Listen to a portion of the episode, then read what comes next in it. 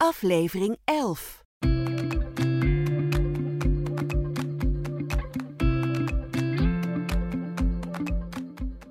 Dit is een podcast van Advocaten, Familie en Erfrecht met Inge Diepman en Joost Dix. Welkom bij de derde aflevering van serie 2 van De Erfrecht Advocaat. Een serie over alle ins en outs rondom de erfenis. In de eerste serie stond de meest gestelde vraag centraal. In deze serie gaan we uit van een casus en die wordt besproken en van wijze raad voorzien door meester Joost Dix, specialist familie- en erfrecht, partner bij Advocaten Familie- en Erfrecht, gevestigd in Eindhoven en ook in de provincies Limburg en Utrecht. Joost, je zat alweer met je neus in de wetboeken. Ja, ik had het maar meegenomen, dit boek. Ja, ja, volgens mij zitten jullie elke. Moet, ik zie, als ik advocaat zie, eh, zie, zie, ik altijd die, die, die wetboeken. En die zijn dan ook. Is dit ook zo? Ja. Die zijn dan zo samengesteld dat het papier niet dunner kan dan dit. Want er moet zo ontzettend veel in. En dan toch nog zo'n dik boek. En dan toch nog zo'n dik boek. Ja, dit is, het is toch een soort van Bijbel voor jullie, hè, die wetboeken. Ja, het hoort in de gereedschapskist te zitten. Die moet het bij je hebben altijd. Nou, je hebt je gereedschapskist bij je. Uh, voor deze podcast, die gaat over het nietig verklaren van het testament. Welke casus heb jij meegenomen? Ja, dat is de casus van Tante Candy. Zo heet ze nou eenmaal. Tante Candy. Dat zal een soort suikertante geweest zijn, denk ik. Ja, uh, Piet, Peter en Paul, dat zijn de neven van Tante Candy. En Tante Candy, die, uh, die overlijdt. En de werkster van Tante Candy, die is in het testament dat zij vlak voor haar overlijden liet opstellen, tot enig erfgenaam benoemd. En zij zal dus het hele omvangrijke vermogen van tante krijgen. Maar de neven die denken daar wat anders over. Want toen tante vlak voor dat overlijden testament liet opstellen, was zij, eh, was zij volgens die neven daar helemaal niet meer toe in staat. Door haar dementie zei ze de gekste dingen. En zij kon de gevolgen van haar handelingen niet meer overzien, zeggen die eh, neven. Kortom, de neven nemen het standpunt in. Tante kon dat testament absoluut niet meer laten maken. En de werkster die zegt natuurlijk, dat ging prima. ik, eh, ik sprak haar elke week. zij wist tot haar overlijden nog heel goed wat ze deed. Er ontstaat natuurlijk gedoe tussen de neven en de werkster. Is dat testament nou geldig of niet? Wat is de les die we uit deze casus kunnen trekken en hoe loopt die af? Dat horen we in deze aflevering van De Erfrechtadvocaat.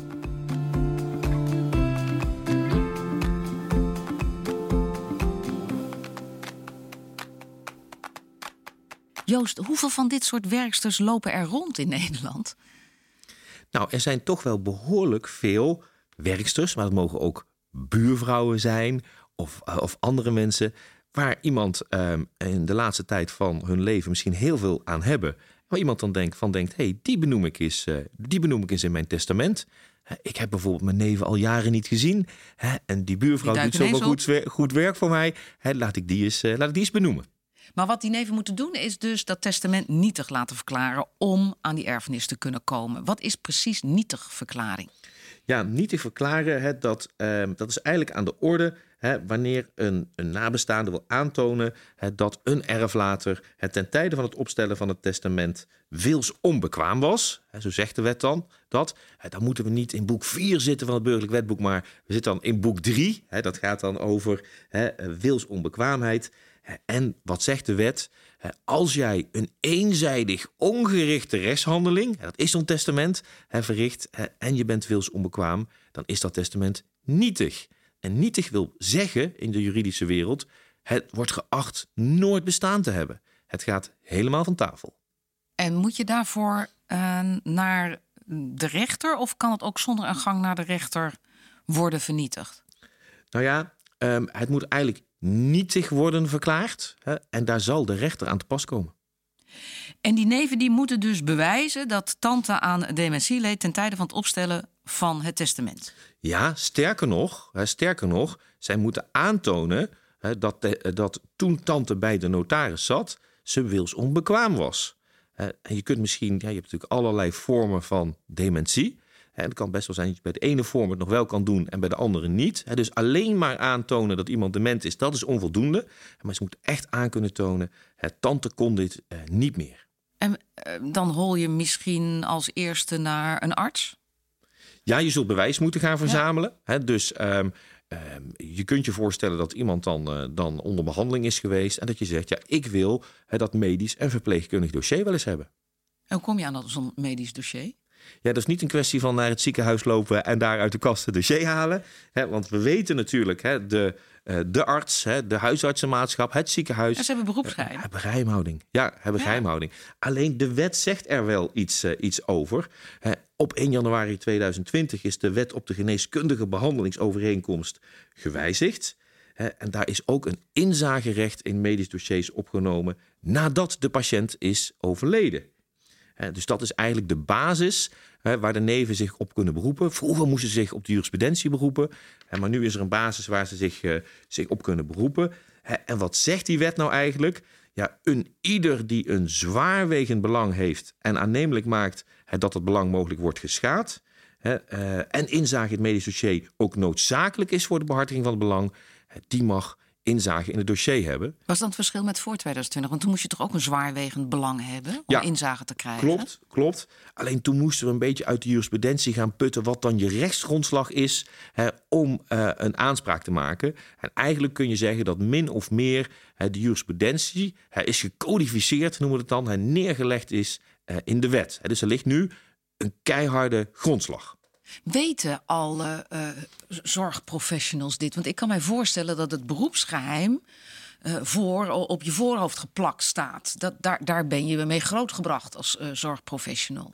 Ja, klopt. Hè, dus velen weten wel hè, dat, dat er zoiets speelt. En nogmaals, het is een belangenafweging. Hè? Dus het wil niet zeggen dat als je zegt, goh, ik, want wel duidelijk is bij alle zorgprofessionals, ook bij de overkoepelende organisaties, dat uh, als je een rechtshandeling wil aanvechten, dat dat zo'n belang is als de wet noemt. Daar zijn we wel uit. Alleen in elk geval zal de arts weer moeten bepalen: moet ik hier dat belang van, in dit geval, uh, die neven voor laten gaan?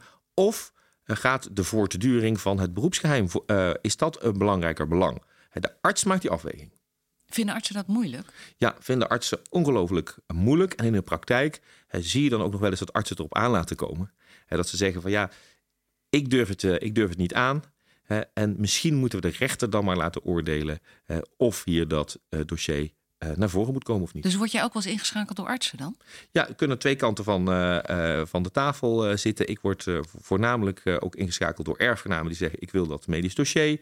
En soms komt dat er en soms niet. En dan wordt er een kort gedingprocedure gevolgd, een korte procedure hè, die snel gaat. En dan gaat de rechter bepalen, hè, moet dat dossier uh, nou ter beschikking worden gesteld of niet. En krijg je dan, hè, stel dat de rechter zegt ja, krijg je dan inzage in het gehele medisch dossier?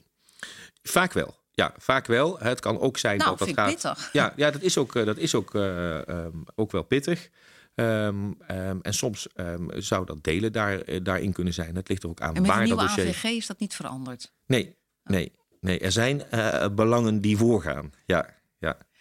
Uh, en had, als ik, als ik nou uh, zelf denk, oh, Joost heeft iets bij mij wakker gemaakt. ik wil helemaal niet dat er überhaupt iemand na mijn overlijden in het medisch dossier kan kijken. Kan, kan ik dan bij leven bijvoorbeeld in mijn testament vastleggen dat dat überhaupt niet mag? Ja, je zou dat, de wet zegt, je zou kunnen zeggen, ik wil dat helemaal niet. Hè, dus er mag nooit iemand in dat dossier kijken. Dat kan. En hoe het dan uitpakt, ja, dat weten we eigenlijk nog niet precies. Hè. De wet is nog niet, uh, nog niet zo oud. En welk, uh, welke informatie moet jij dus vinden in dat medisch dossier, als je uitgaat van het perspectief van de neven, om afdoende bewijs te kunnen aanleveren voor dementie? Ja, kijk, de, de erfrechtadvocaat is natuurlijk niet de medisch uh, specialist. Het zal misschien ook nog een specialist naar dat dossier moeten kijken en daar een oordeel over moeten geven. Hè, wat noemen we een deskundige oordeel.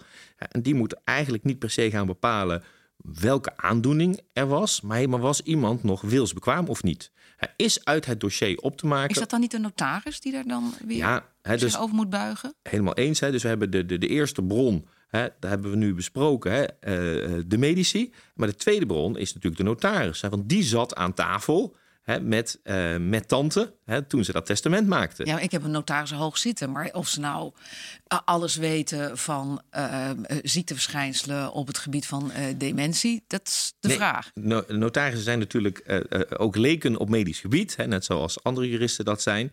Hè, maar het kan wel gewicht in de schaal leggen als je straks naar de bodemprocedure gaat. Omdat de notaris, als die vermoedt dat er iets aan de hand zijn, of iets aan de hand is, we noemen dat indicatoren. Als er indicatoren zijn, dan moet de notaris het stappenplan wilsbekwaamheid gaan volgen. Dan moet hij door, de, door de KNB keurig voorgeschreven stapjes eh, afleggen. Bijvoorbeeld, hij zegt, nou, iemand is wel heel oud, of een heel afwijkend testament, of is misschien wat afhankelijk. Dan moet de notaris allerlei testvragen gaan stellen. Maar dan nog kan het zijn dat, uh, dat hij er doorheen glipt bij de notaris. Ja, ik heb ook wel eens vernomen van iemand die zei: Ik ben, zo noemt hij dat, opgeroepen dus die moest een getuigenverklaring afleggen over diegene of die uh, wel of niet helemaal, hoe zeg je dat? Non-compos mentis is. Ja. Mooie titel. Ja. ja, is een mooie kreet. Non-compos ja. mentis. Nee, helemaal eens. Hè. Dat is een, een andere bron. Hè. Naast dus uh, de arts, naast de notaris. Er kunnen getuigen zijn. Getuigen die iets kunnen verklaren uh, over, over de geestestoestand van iemand. Hoe is het afgelopen met de werkster en de neven? Ja, die neven die liet het er niet bij zitten. Het ging om heel veel geld. Uh, en uh, de werkster liet het er ook niet bij zitten. Hè, want voor haar ging het ook om heel veel geld. En uiteindelijk uh, komt er een bodemprocedure. Hè, dus de bodemrechter die moest hier gaan vertellen... Eh, goh, is dat testament nou nietig of, of niet? En uiteindelijk bepaalt de rechter dat de neven onvoldoende bewijs hebben geleverd... om aan te kunnen tonen dat het testament nietig was. Dus ter faveur van de werkster? Ja. Is, is dat over het algemeen de praktijk? Nou, niet altijd, maar wat wel zo is, is dat je van hele goede huizen moet komen om een testament niet te laten verklaren. En waarom is dat? Omdat degene die het standpunt in de procedure inneemt, het testament is nietig, die zal dat moeten bewijzen. Dus die moet aan de slag. En als het andersom was geweest, dus uh, de rechter had gezegd: nee, ik uh, stel de neven in het gelijk, uh, dus via een bodemprocedure wordt het testament nietig verklaard, dan kun je achteroverleunen als neef en zeggen: zo, ik ben rijk en blij. Dat zou maar zo kunnen als die neven de enige familie zouden zijn en het versterferfrecht is van toepassing. Maar waar de erfrechtadvocaat altijd goed naar kijkt, in het Centraal Testamentenregister kunnen we zien, zit daar nog een testamentje voor? En als er nog een testament voor zou zitten van jaren terug, en bij wijze van spreken, er zit een andere werkster in of een andere buurvrouw, maar in ieder geval niet de neven, ja, dan hebben we de neven al het werk voor niets gedaan. Wauw, hoe vaak komt dat voor? Nou, uh, dat laatste. Ik heb mag... nu een beeld van die neef. Ja, dat laatste mag ik hopen dat dat en dan niet. komt er weer zo'n werkster uit de kast of een goede ja. vriendin. Of een... Ja, nee, dat laatste mag ik hopen dat dat niet, uh, niet al te veel, uh, veel voorkomt. Hè, dus als men zo'n procedure start, dan heeft men of via het versterferfrecht al bepaald. We zijn ja. erfgenaam. Soms ken je, omdat het toevallig ergens in de kast ligt, het voorgaande testament. Of anders is er in ieder geval een heel sterk vermoeden wat het testament, wat daarvoor verleden is, wat daarin zal staan. Voordat ik jou ga vragen om af te sluiten met jouw wijze raad, nog even één ding. In, in de vorige serie uh, hadden wij het, ik meen in aflevering 4, over de uitleg van het testament als daar oneenigheid over is. Um, dat, dat is dus. Uh, dat, dat is een groot verschil met waar, we het hier over hebben. Ja, dat klopt. Hè, want bij de uitleg daarvan zeg je: het testament op zich is wel geldig.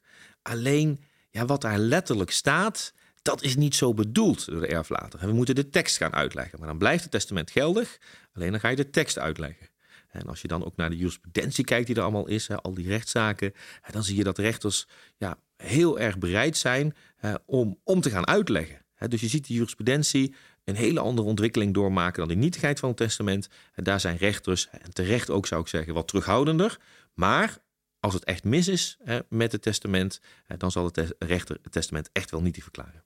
Wat is in dit geval over het nietig verklaren van het testament de wijze raad van meester Joost, de erfrechtadvocaat? Ja, ik zou zeggen, als er twijfels zijn over de geldigheid van een testament, hè, laat een erfrechtadvocaat dan onderzoek doen hè, naar de kansen op, op succes om het testament uh, nietig te laten verklaren. En andersom natuurlijk, hè, als je ervan overtuigd bent dat het testament geldig is en je krijgt zo'n dagvaarding in de bus hè, waarin gevorderd wordt dat het testament nietig is, hè, laat je dan ook uh, bijstaan door een erfrechtadvocaat.